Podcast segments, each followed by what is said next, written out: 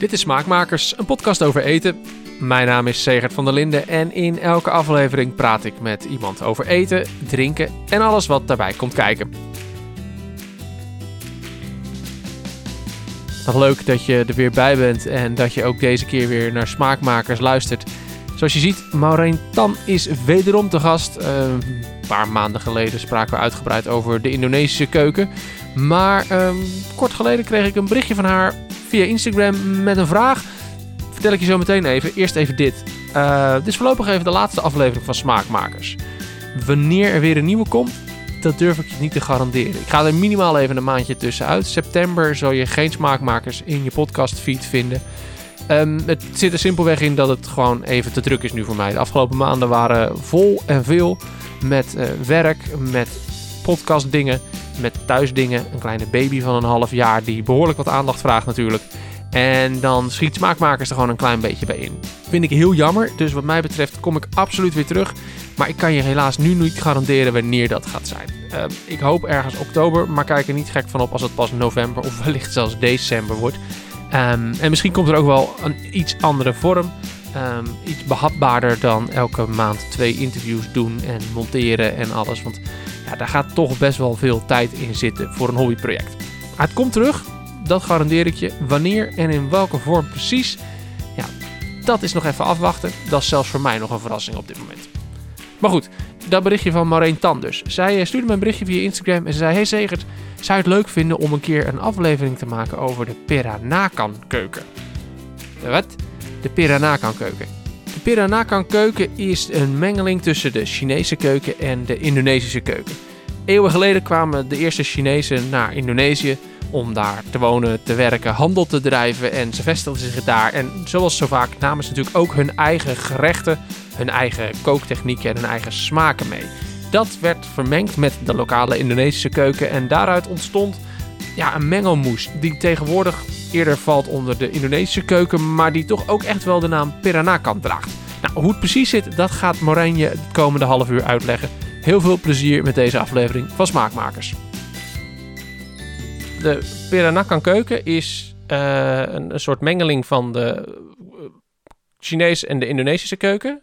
Maar hoe, hoe zijn die met elkaar in contact gekomen? Nou, het is, uh, het, is zelfs drie soorten, zeg maar, of drie, drie bevolkingsgroepen die, die samenkomen in de gerechten van de Peranakan keuken.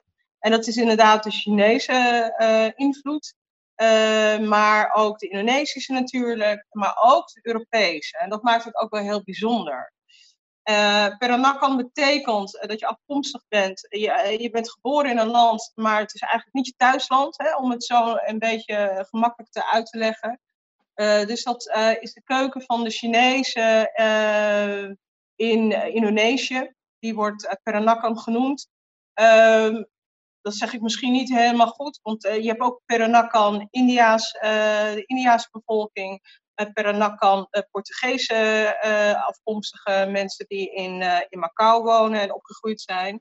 Maar omdat deze groep, deze bevolkingsgroep, Chinezen in Indonesië en in Maleisië, zo groot zijn, wordt, dat, wordt die naam eigenlijk heel snel gelinkt met de Chinezen.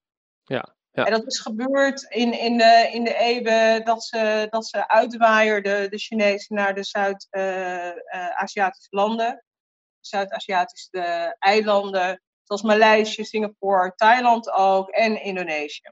En waarom, waarom vertrokken ze uit China? Waarom waaien ze uit? Nou, het, het, is een soort van. Uh, het, zijn, zijn, handelaars geweest die op zoek waren naar, uh, naar handel. En uh, die handel wilden bedrijven met, met andere landen.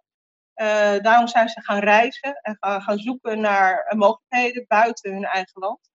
En hebben zich vervolgens daar gevestigd.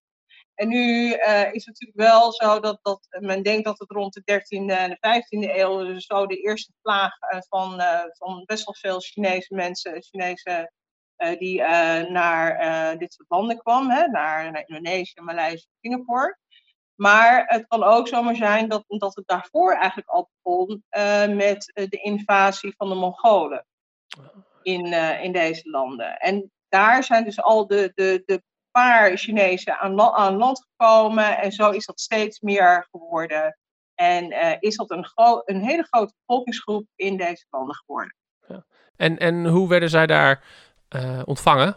Nou, ze werden, in, in het begin ging dat, ging dat helemaal goed, hè? want het waren handelaren en ze kwamen natuurlijk met nieuwe producten en, en, en met nieuwe spullen en gingen de, ook de, de ingrediënten, de specerijen, uh, noem maar op, uh, gingen ze verhandelen. Dus uh, de Indonesiërs bijvoorbeeld, hè, waar, waar ik het nu over heb, die, die konden daar ja, waardering in, in vinden. En die hadden zoiets van, nou goed, eh, hier worden we wat rijker van. We kunnen handel drijven met deze mensen. Ze, ze behandelen ons goed. Dus dat gaat gewoon helemaal goed. Uiteindelijk is dat uh, op een gegeven moment veranderd in de tijd dat Nederland kolonie maakte, of Nederlands-Indië de kolonie werd van, van, van Nederland. Uh, waarin uh, de, de Chinezen, zeg maar, de tussen de mensen werden, de, de bemiddelaars tussen de plaatselijke bevolking en de Nederlanders die daar kwamen. En dan krijg je een soort van privileges. De, de Nederlanders gaven de Chinezen privileges, wat uh, bij de Indonesiërs, bij de, in, de inlanders natuurlijk niet goed viel. Want zij ja, ze kregen minder geld voor, voor wat zij altijd al uh, uh, in plantages uh, verbouwden. Hè, of boerderijen, want dat ging nu via de Chinezen weer naar de, naar de Nederlanders. Natuurlijk moesten die Chinezen er ook weer aan verdienen. Dus de, de bevolking, de lokale bevolking, kreeg steeds minder voor wat ze al die tijd al deden. Ja. En dus dat, daar, daar kwam al een beetje de bedreiging in. Hè? Dat ze dat niet begrepen en dat, dat, dat Chinezen toch maar een beetje uh, werd als handlanger werd gezien van de kolonie. Uh, van de kolo van de kolonie. Dus dat, dat ging, wat dat betreft ging dat niet goed. En dat ging uiteindelijk uh, ook zover met, uh, met hem uh, na de oorlog, met de Persiab-tijd, dat ook dat niet alleen maar de Nederlandse, de Indische mensen niet meer welkom waren in Indonesië, maar dat de Indonesiërs eigenlijk ook de Chinese weg wilden hebben.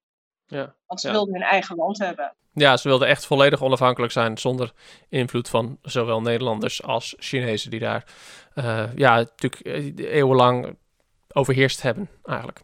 Precies, precies. Ze wilden hun land terug, ze wilden zelf weer handel kunnen bedrijven en hun, uh, hun, hun specerijen en hun grondstoffen verkopen zonder dat er uh, bemiddelaars, die hadden ze uh, niet meer nodig. En ze hadden zoiets van, nou, we willen onafhankelijk zijn. Ja, AGB staan en terecht. En, en nu? Hoe is dat nu? Uh, nu gaat dat uh, een stuk beter. Uh, alleen weet ik wel van mijn familie. Ik ben half Chinees. Mijn familie woont grotendeels op Java, merendeels in Oost-Java, in Surabaya. En daar hoor ik wel, want de Chinezen, moet je bedenken, zijn altijd, bijna altijd christen gebleven. En tussen de moslims, hè, het is een heel groot is, islamitisch land natuurlijk, Indonesië, een van de grootste. Uh, zijn de christenen niet altijd welkom. En kan dat ook wel een beetje botsen hier en daar. Dus dat, je, je ziet bij de extreme uh, dat, dat, ze daar moeilijkheden mee krijgen. Hè? Dat, dat er soms uh, kerken beklad worden of, of, misschien wel erger. Dus dat, dat is wel vervelend. Over het algemeen merk ik aan mijn familie dat ze daar geen problemen ondervinden. Dat ze gewoon kunnen samenwerken, samenleven met Indonesië. Alleen het geloof dat daar wrikt af, af en toe wel de schoen. Zijn er ook veel naar Nederland gekomen in de, in de periode zeg maar, na de onafhankelijkheidsstrijd? ja, er zijn uh, zeker veel uh, naar Nederland gekomen. Vooral de, de Peranakan, hè, de Peranakan uh, Chinese bevolking, die eigenlijk toen in, in die eeuwen naar, naar Indonesië is gekomen. die, hadden, die hebben toch een hogere opleiding genoten. Die hebben toen hun, hun fortuin bij elkaar verdiend met de kolonie. Uh, en die, dus die kwamen uh, en masse naar, naar Nederland om, om zich hier te vestigen en om hier de, nou ja, de restaurants te openen, maar ook gewoon de hoge, hoge functies bekleden. Je, je kent, iedereen kent wel een oogarts of een, uh, een tandarts of een, nou noem het maar op. Er zijn heel veel mensen in hoge posities terechtgekomen. En dat, dat is natuurlijk heel mooi. Dus die, die mensen hebben ook Indonesië. Het is niet, niet al, uh, allemaal hoor, maar er is een, een deel van de bevolking is uh, inderdaad vertrokken naar Nederland, maar ook naar Amerika en naar andere landen in Europa. Ja, als we het dan gaan hebben over de keuken, want daar zitten we hier tenslotte voor. Kun, kun je dan eens vertellen, wat, wat, voor, wat, wat, namen die, die Chinezen mee naar Indonesië? Waar, wat, wat, wat hebben zij gebracht?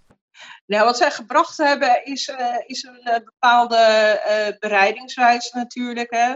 De manier hoe zij kookten, zoals de dumplings, zoals wij nu in Indonesië kennen en jullie en wij hier ook in Nederland natuurlijk. De, de pakpau, zeg maar, de, hè, de gestoomde broodjes, de gevulde broodjes, maar ook de pangsit. Hè, dat is ook weer uit van Chinese afkomst. Het vullen van, van deeg en het of stomen of koken of frituren. Uh, maar ook de bami, de noedels, dat, dat is ook van Chinese afkomst. Dat kende Indonesië daarvoor niet, noedels? Nee, daarvoor niet. Nee, nee. dat was ah. meer rijst. En dat is echt, en uh, dat, daar praten we over eeuwen geleden natuurlijk. Hè? Dus het is al zo, ver, zo één geworden met het land, dat, dat, dat mensen ook misschien niet weten dat het niet Indonesisch is. Maar uiteindelijk is dat van Chinese afkomst inderdaad. Ja. En ook gebruik van bepaalde kruiden en, en uh, ingrediënten zoals de, de gefermenteerde sojabonen, de taucho. Je ziet mm. heel veel gerechten met taucho gemaakt. En dan weet je eigenlijk wel van, oh, daar zit uh, Chinese herkomst uh, achter. Ja, want ik ken... En dat is heel mooi. Ik ken dat, dat ken ik, die potjes uit de toko inderdaad. En ik, ik heb wel het idee dat het uit de Chinese keuken komt. Maar dat komt dus ook, maar dat wordt dus ook in de Indonesische keuken gebruikt. Zeker, ja. ja. En dat zijn de, de gerechten die eigenlijk zeg maar een soort fusion, een soort smeltkroes uh, zijn geworden van uh, de, de, de Chinezen die uh, als eerste aan land kwamen in, in Indonesië, in de Nusantara, zeg maar, dus dat hele gebied, Thailand ook en Maleisië. En die hebben die kruiden en hun specifieke gewoonten, dus ook dat fermenteren van die gele bonen, van die gele sojabonen, om het daarna te gebruiken als, uh, als, als ja, specerij zeg maar, in hun eten, hebben ze meegenomen. Maar ook het, het wokken, zeg maar, en het, ook, ook bepaalde gerechten dat je denkt van, goh, wat bijzonder. want de Peranakan-keuken is niet per definitie roerbakken. Want het kan best wel ingewikkeld zijn en, en en uh, tijdverslindend, zeg maar. Dus dat je denkt van, oh ja, dat, uh, hier ben ik wel even mee bezig. Zo hebben ze in Indonesië bestaat er een heel bijzonder gerecht, wat, wat wel iconisch is voor de Peranakan-keuken. Eh, en dat is ayam kodok. Mm En dan denk je van, oh ja, kodok betekent gekookt. En ayam is kip, gekookte kip, wat is het dan? En, maar in principe is dat veel ingewikkelder, want wat ze doen uh, is dat je uh, eigenlijk de, de poten, de vleugels uh, intact houdt met de huid. Ja, en je haalt het, vlees haal je er helemaal uit. Dat vermengen ze weer met andere proteïnen. Dus er komt lever bij en er komt ook soms varkensvlees bij. Dan, dan, dan vullen ze die vogel weer totdat het er eigenlijk bijna weer uitziet alsof, alsof er niets gebeurd is. Maar natuurlijk ook met kruiden en zo en specerijen. En dan stomen ze het en dan uh, wordt die daarna gebraden om natuurlijk een mooi huidje te krijgen. Oh. En dat specifieke gerecht is heel bijzonder, omdat dat ook terug te vinden is uit de Franse keuken.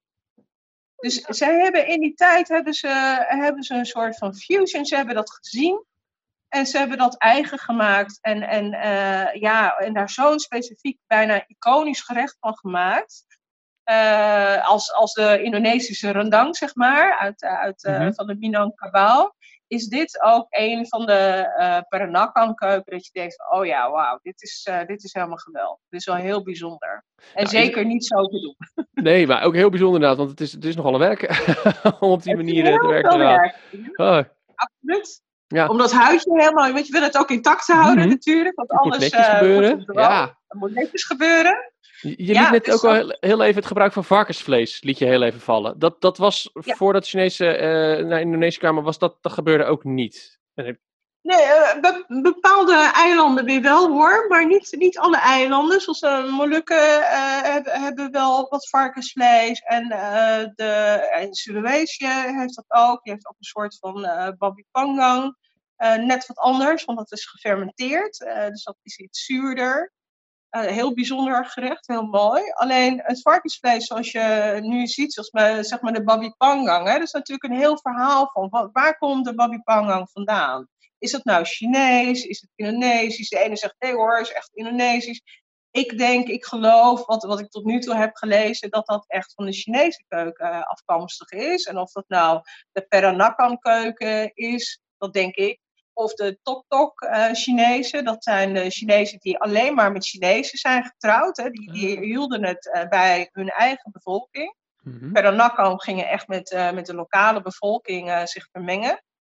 Ehm, ja, dat, dat, dat, dat weet ik niet zozeer. Ik denk dat het Peranakan is. Ook omdat er in de saus, de originele saus die daarbij hoort, uh, zoals ik ben opgevoed. En dan hè, waar, je, waar je mee bent opgevoed, dat, uh, dat zie je al, al, als waar natuurlijk. Uh, maar daar hoort ook een taucho saus bij. Ah, taucho, ja. gember en wat ketchup. En dat zijn natuurlijk de ingrediënten die zo Chinees zijn eigenlijk dat je eigenlijk wel zeker weet dat dit een Chinees gerecht is van de herkomst. En natuurlijk kan je dat overal, tenminste bij de Chinese bevolking in Indonesië, want het is natuurlijk, hè, het is, is, een islamitisch land zal niet varkensvlees eten, dus je zal het alleen maar bij Chinezen vinden en bij sommigen misschien die, uh, die uh, zoals de Balinese. Balinese eten natuurlijk ook varken. Uh, daar vind je het wel, maar uh, over heel Indonesië, ja, je zal echt moeten zoeken uh, het vinden. Dus het varkensvlees, de babi panggang, maar ook de, zeg maar, wat heel bekend is ook in Nederland, de, de kulujuk ja, uh, van de Chinees, die balletjes in die zoete saus en dan met die vruchtjes uit blik eromheen en zo, die er omheen zwemmen dan, die, ja? Precies, ja, precies, ja. ja. Inderdaad van die balletjes. Nou, zo werkt het eigenlijk niet hoor. Nee, dat dacht ik, al. zo weinig blik bij het. Er is al een paar honderd jaar geleden geen blik bij geze groente bij gezeten hebben, blik met fruit, nee. Absoluut, absoluut. Nee, dus dat is een heel ander gerecht. Zoals je bij sommige Chinese restauranten, als je dat bestelt, dan ziet het er ook heel anders uit. En dan vind je geen blik, uh, blikfruit. Uh, de, de, de, de, zeg maar de Chinees-Indische, Nederlandse restaurants, restaurants, die je wel kent van de, van de buurt, uit de buurt op de hoek staan. Shindin Spekrest. Precies, ja. Die, die, ja. Die, uh, die, verkopen het zo. En dan krijg je inderdaad van die oliebollen. Ja, ja. Met ananas ja, en inderdaad cocktailfruit. Maar het is, klopt. Maar dan is het is wel zo, het is zoet, het is gefrituurd, het is vet, het is alles. Heeft natuurlijk wel, je, ja, je eet ze wel, toch altijd wel. Het is toch wel weer toch lekker. Vind je, stiekem vind je het wel lekker. Ja, maar tuurlijk, ik zal je, ja. uh, als we samen een keertje gaan koken, Zegert, gaan we toch een keertje doen. Dan zal ik je onze versie laten proeven. En dan denk je van, oh ja, dat is natuurlijk ook gefrituurd, want het blijft gefrituurd. Maar het is niet zo dat je een oliebol krijgt. En zeker niet al het blik fruit. maar wat is het dan wel? Uh, nou, wat wij gebruiken is, is wortel. En het, uh, het is, uh, sommigen doen uh, paprika erbij, dat doen, dat doen wij. Ja, we doen een klein beetje paprika erbij, wortel en komkommer. En gember. En dus inderdaad een zoetzure saus gebaseerd op, met tomaat als basis, zeg maar. En dat is gewoon een hele mooie, mooie saus. Net als de Fuyong Hai, ken je ook waarschijnlijk. Ja, hè? Van, zeker van de restaurants. Nou ja, dat, dat wordt, uh, wordt ook gemaakt, maar dan ook niet met, met dat hele zoete, zoete saus. Dat moet een mooie, uitgebalanceerde, uh, zoetzure saus uh, zijn, waar ook gember in zit. Dat is een, het is een hele andere smaak. Misschien dat je denkt van als je het ziet, oh het is hetzelfde, maar als je het proeft is het gewoon anders. Is het net wat meer uitgebalanceerd. Want de Peranakan keuken is wat dat betreft wel heel erg rijk en heel erg precies. Want ze, door al die ingrediënten die ze erin stoppen, moet het wel een uh, bepaalde balans hebben. Je kan niet zomaar zeggen van we doen maar wat. Maar het moet net zo, uh, net zo hè, zoet en een beetje pittig en een beetje zuur. En dat zijn gewoon hele mooie smaken. Ja, heeft het een beetje hetzelfde als, als veel wat ik vaak hoor in, in, in uh, keukens uit die regio van Azië. Dat, het, dat je, je wil zoet, zuur, bitter, zout, umami. Dat wil je in, in, in één gerecht eigenlijk allemaal in balans vinden. Absoluut, absoluut. En dan ja. gaan, gaan we in Indonesië en ook de Peranakan, die gaan nog een stapje verder. Want die willen ook een soort van textuurverschil hebben. Hè? Dus dan moet het, en dat, dat knapperige vlees, dat is natuurlijk ook ergens voor uitgevonden. Want dat wil je. En heel vaak krijg je dan te horen van, oh, maar eerst ga je het frituren en dan doe je het in een saus. Wat heeft het nou voor zin? Maar eh, zelfs dat vinden we lekker, dat mondgevoel. is niet altijd uit te leggen, maar als je dan proeft, dan denk je van, oh ja, nu snap ik hem. Ja, ik, ik zit te denken, je zegt inderdaad frituren in een saus. Ik zit te denken of, of, ik, of ik iets ken wat, dat, wat ook zo werkt, maar... Nee, hè? Nee, ik denk het haast niet. Het is, vrij uniek. want inderdaad, ergens klinkt het heel onlogisch dat je iets frituurt. Je maakt het krokant en op het moment dat je het in de saus gooit, ja, dan is die krokantheid zou weg zijn, meestal. Maar... Ja, nee, precies, precies. Maar dan is het natuurlijk ook zo dat, dat, je, dat je het à la minuut maakt en eet. Hè. Het is niet zo dat je het weer opwarmt en dat dan, want dan begrijp je het niet. Want zeg maar, je, je hebt ook een, een prachtig gerecht, dat heet uh, Tami Chapjai. En dat is gebakken bami met een, uh, met een uh, chap choy, hè, zoals we de chap choy kennen, maar in Indonesië wordt het chap chai genoemd. En dat is ook een groentegerecht. Er zit soms uh, varkensvlees in, kip uh, zit in, soms garnalen en soms is het alleen maar groente. En dat wordt eigenlijk over die mooie gefrituurde bami gegoten. Dat je denkt van, wat ga je nou doen dan? Maar als je dat snel eet, want je moet dat natuurlijk niet laten staan, dan krijg je en het krokante en het warme van die saus en dat, dat weet je, die mooie knapperige groenten. Dus dat is zo'n hele andere smaaksensatie die ik denk inderdaad, ja, dan moet ik even gaan voor. Maar ik denk niet dat de Europese, de westerse keuken dat kent. Nee, nee ik, ik, ja, ja dus... ik, ik heb me niet. Nee. Maar misschien dat er nu mensen luisteren die zeggen: Ja, tuurlijk kennen we dat. Misschien dat als wij ja. straks de opname uitzetten, dat we dan tegen elkaar zeggen: Oh, maar het is dat. dat maar ja, ik, maar zo, zo on the spot denk ik: Nou, ik kan het me niet. niet uh, het, het, klinkt als een vrij unieke manier, een, een, een unieke bereidingswijze. Dat je het verduurt en dan in de saus serveert. Ja, en, precies. En niet zoals precies. het gefrituurd snackje door je saus haalt. Dat is natuurlijk weer. Nee, nee, nee, nee, dat is het dan niet. Hè. Het is, het is, uh, je, oh ja, je, je, doet het wel eroverheen. Het is niet zo dat je het als een soep gaat. gaat uh, je doet de saus doe je eroverheen en dan serveer je het meteen uit. Dus dat, ja. dat is al geweldig. Lekker. Ja, dat, dus dat is uh, Peranakan. Maar Peranakan is ook de ketchup natuurlijk. Hè. De ketchup is gewoon echt van Chinese afkomst. Dus de, de gebruik, als je de Indonesische keuken ziet en je ziet zeg maar een ayam ketchup, uh, wat ik laatst hoorde van iemand uh, aan wie ik les gaf. Ik, uh, ayam ketchup, hoe zit dat dan in elkaar? Dan wil ik het weten, wel, wat is dan de verhouding? Maar ook een uh, babi ketchup, hè, nogmaals, daar komt weer die, dat varkensvlees eruit. En dat is gewoon varkensvlees wat heel langzaam gestoofd wordt in heel veel knoflook, gember en, en ketchup. Nou ja, dat zijn echt typische Chinese gerechten. Ja, dus ja dat, want dat maakt het wel leuk. Ketchup is, is eigenlijk een sojasaus, toch? Een zoete, ja. zoete sojasaus. En als wij zeggen sojasaus, denken we natuurlijk heel snel aan Japan, Chinees, zout, zout de zoute variant. Maar dit is, dit is dus dit is de zoete variant. Dus als je dat bedenkt, variant. dan is de link met China ineens heel logisch. Ja, dan is het heel logisch, weet je. En dan uh, ook, uh, nou goed, als je ook een dumplings kent, hè, als je gaat uh, dimsummen, mm -hmm. dan zie je ook heel veel dingen terug, wat je ook in de Indonesische keuken ziet. Dus dat, dat, dat maakt, het, maakt het wel weer plausibel, dat je denkt van, oh ja, dat, dat komt daar, dat, daar zit een link aan vast. Ja, ja. Dat is wel heel grappig, toch?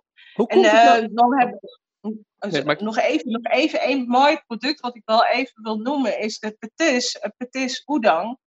Uh, petis udang, we kennen allemaal misschien wel de trassi hè, nu, van de Indonesische gerechten, maar de petis udang is een, uh, ook een garnalenpasta.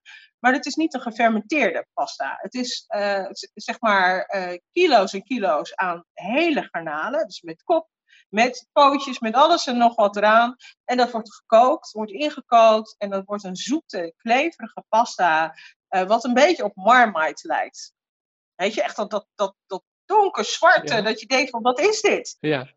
En dat is ook een van de, de herkenbare dingen wat de, wat de Peranakan uh, gebruikt in, de, in hun uh, keuken. Want uh, zeg maar één gerecht waar ik heel dol op ben. En dan krijg je weer die link tussen dat gefrituurde eitje of het gefrituurde eten met, met een saus. Is petis, telor petis. En dat is een, een eitje wat uh, gekookt is. En dan wordt het gefrituurd. Want dan krijg je weer dat, dat krokante zeg maar, aan de buitenkant. Net als, alsof je de rand van een spiegeleitje, weet je, dat gouden, ja, ja. krijgt. En dat krijg je dan bij zo'n eitje. En dan denken ze van, waarom ga je dat dan weer in een saus doen? Want je gaat het eerst koken, dan frituren en dan in een saus. Maar ja, dat is gewoon weergeloos. Dat is en zo'n hele mooie diepe smaak. Vol met umami. Je weet niet wat je eet als je, als je die saus eet. Dus ja, dat is geweldig. geweldig. Het zijn mooie, heftige smaken, maar ook zeer uitgebalanceerd. Hoe komt het dat wij dit helemaal niet weten, die link met China? Nee, ja, ik denk dat het nog gewoon niet zo bekend is. Ik, ik, ik weet, ik ben zo opgegroeid dat ik altijd hoorde van, uh, als ik mijn familie in Indonesië hoorde praten over iemand. En er werden altijd wel, hè, zoals buren zeg maar, een beetje rondlopen van elkaar. Van, oh ja, dat is Orang Chongwa. En dat is dus Peranakan. Uh, dat is de Indonesische naam voor Peranakan. Of uh, orang tok tok. En dat is dan iemand die uh, Chinees is, maar ook met Chinees, dus volbloed Chinees, zeg maar. En Paranakan is dan weer dat je gemengd bent. ik denk niet dat dat, dat dat inderdaad ooit naar buiten is gekomen. Ik denk dat de mensen, de Peranakan, dat zelf wel weten. Maar dat dat, dat nooit echt als keuken is beschouwd. Ik denk dat ze het meer zien van, oh, dat is Chinees. Hè? Zoals een uh, en een Foyon Foyon Hai, dat is gewoon Chinese keuken. Maar uh, het, is ook een keuken die natuurlijk door de eeuwen heen eigenlijk een soort van samensmelting heeft gekregen met Indonesië. Want die gerechten kom je daar ook tegen. Terwijl natuurlijk wel de Indonesiër weet van, joh, dat is Chinees, hè, dat is Peranakan keuken en dat is echt Indonesisch. Dus ja. daar zit wel een scheidingslijn hoe, waarom we dat in Nederland niet weten, of misschien niet genoeg weten, ja, dat is jammer. Dat, dat, dat hoop ik met jou nu een beetje naar buiten te brengen. Ja, want eigenlijk, we weten, heel veel van die gerechten kennen we dus. En die kennen we dan dus van dat Chinees uh, Indisch specialiteitenrestaurant om de hoek. Dus dat, waarvan wij allemaal zeggen, ja, dat is Chinees. Ja, is niet helemaal echt Chinees, zeggen we dan altijd. En dan maak je grapjes over dat het niet echt Chinees is. Maar eigenlijk is het dus, is het dus niet Chinees-Indisch. Het heeft gewoon een naam. Het is gewoon een Peranakan restaurant. Ja, ja, ja. En dan ook niet alles, hè? Want nu, nee. we kunnen niet alle Chinese uh, uh, keuken, of tenminste alle Chinese gerechten uit die, uit die restaurants Peranakan noemen. Dat is het natuurlijk ook weer niet, want er zit ook een scheiding bij. Het is voor Hollands maar... en zo, wat we al benoemden met die coole joek en zo. Het is natuurlijk een beetje ja. een Hollandse twist aangegeven en zo. Maar heb een Hollandse twist aangegeven. En wat heb je op dat moment in huis? En wat, hè, wat, wat, kan, je, wat, wat kan je maken? Wat is goedkoop? Want hè, Chinees is natuurlijk uh, in het beginsel, hè, de restaurants, die moeten daar nu enorm voor vechten om dat allemaal anders uh, naar buiten te kunnen brengen. De Chinese keuken stond natuurlijk bekend voor veel, voor goedkoop. Dus ja, dan werd er dan zo'n blik fruit uh, werd er doorheen gegooid in plaats van mooie worteltjes. En, hè, en dan, ja, dat is jammer. Ja. Dus dat is een aangepaste keuken, aangepast aan de westerse, westerse mond, aan de westerse smaak. Dus dat, dat kan je ook niet zo zeggen hoor. Alleen er zijn gewoon heel veel gerechten in Indonesië die wij al kennen, die wel Peranakan zijn.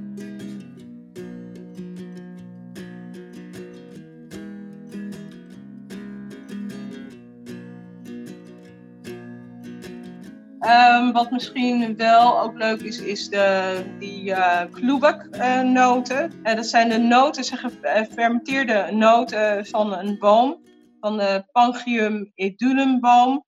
En die, die pitten die moeten gefermenteerd worden, want anders zijn ze giftig. Dus je kan ze dan niet eten. Maar die pitten die geven, uh, als je die in de boemboe uh, in een gerecht uh, vermaalt, hè, want je moet ze eerst weken, omdat ze natuurlijk en gefermenteerd en gedroogd worden. Dus ze zijn keihard, daar kan je eigenlijk niets mee als je ze koopt. Dus je moet ze even een tijd, een uurtje, anderhalf uur, soms tot twee uur, moet je ze weken in heet water. En dan vermaal je ze. Uh, en gebruik je ze in bepaalde gerechten. De, in, in bijvoorbeeld Maleisische uh, Nonja-keuken, de Peranakan-keuken in, in Maleisië, is, de, is de, een bepaald gerecht met kip. En, en deze noot is heel erg bekend. Uh, ze, ze, ze, ik heb zelfs een keer gehoord dat ze zelfs die pitten vullen met iets en, en dat stoven. Ja, het is echt heel bijzonder. Ze doen er heel veel mee. Die pit zelf is uh, gewoon onogelijk. Hè? Als, je, als je een keertje een heel exemplaar vindt, nou ja, dan, dan lijkt hij een beetje op een ovale steen. Hij is gitzwart. Dus ja, dan denk je ook van, wat moet ik hiermee? Kan ik hiermee koken? Maar als je hem dan vermaalt, uh, dan ruik je hem al, ook al als je hem zo pakt hoor, dan ruik je een soort van uh, bittere chocolade een beetje aardse geur. is echt heel bijzonder. Oh, ik zie je helemaal glunderen nou. Ja, ik vind het heel bijzonder dat het dit. Chocoladepen. ja, dat is heel bijzonder. En als je dan gerechten met die kluwaknoot maakt, met die kluwak, dan wordt dat ook zwart. Want het is zo'n ontzettende sterke uh, uh, kleur wat hij afgeeft, dat je hele gerecht zwart wordt. Dus dan krijg je wel wat wij in Indonesië, uh, waar wij helemaal verliefd op zijn, op, op die soep, dat is rawon. Ramon wordt heel vaak een, uh, is een rundvleessoep en daar wordt de kluwaknoot ook uh, in toegevoegd. Uh, maar ook hele andere gerechten, ook visgerechten worden met kluwak klaargemaakt. Maar ook die noot schijnt dus ooit een keertje uit China meegenomen te zijn. Ja. Of in geval daar maken de Peranakan ook, die houden van die noot om daarmee te koken. Omdat het zo'n complexe smaak geeft. Het is gewoon geweldig. Oh. En dat is dus ook een van de smaken van de Peranakan uh, keuken uit Indonesië, uit, uit de Nusantara. Heel bijzonder. Ja, ik, ik heb er ook echt nog nooit van gehoord. Ik neem, kun je dit gewoon bij de toko kopen? Je kan het bij de toko kopen. En ik heb in mijn Bijbel een paar recepten. Mhm, Heel goed. Daar goede je, promo. Ja. Absoluut, absoluut. Terecht. En, uh, en dan, dan leer ik ook van wat je ermee kan doen en dat je dat gewoon een keer moet proberen. Ik heb laatst, uh, vorige week heb ik een kleine workshop gegeven voor, uh, voor een stelletje, wat ook een beetje met het eten bezig is, met Indonesië, met de afkomst. En die vonden het ook weer galoos. Want je denkt eerst van, god ja, leuk. Zo, het is helemaal niet zo aantrekkelijk, zo'n zwarte soep. Maar die zwarte soep, daar zit dan weer kurkuma in, wat, wat het weer een soort van gouden gloed geeft. En het is gewoon een, een bijzondere geur en smaakbeleving wat je krijgt. Dus ik probeer ook, nou ja, goed, ook in mijn boek en los van de promo die ik, uh, die ik voor vraag, wil ik ook dit soort ingrediënten die helemaal niet zo bekend zijn, wil ik gewoon meer bekendheid geven. En vind ik dat gaaf natuurlijk als mensen zo gaan kopen. En dat was hem dan, aflevering 36 van Smaakmakers. En voorlopig dus even de laatste. Bedankt voor het luisteren. Maureen, wederom bedankt voor je tijd en je fantastische verhalen over de Indonesische keuken. En in dit geval dan dus de Peranakan keuken. Voorlopig dus even de laatste Smaakmakers. Ik kom terug, dat garandeer ik je. Maar wanneer en in precies welke vorm, dat durf ik nog niet helemaal te zeggen. In de tussentijd kun je me gewoon blijven volgen. Je kunt natuurlijk gewoon geabonneerd blijven hè, op de feed. Dan krijg je vanzelf de nieuwste aflevering in je feed zodra die er is. Je kunt me ook gewoon volgen via Instagram, @zegertvdelinde. Daar zal ik ook nog met enige regelmaat updates plaatsen. En uh, daar zul je waarschijnlijk als allereerste horen dat er weer nieuwe smaakmakers aan gaan komen. Hoe dan ook, nogmaals ontzettend bedankt voor het luisteren en voor het steunen van smaakmakers. Ik wens je een hele mooie tijd en uh, tot binnenkort.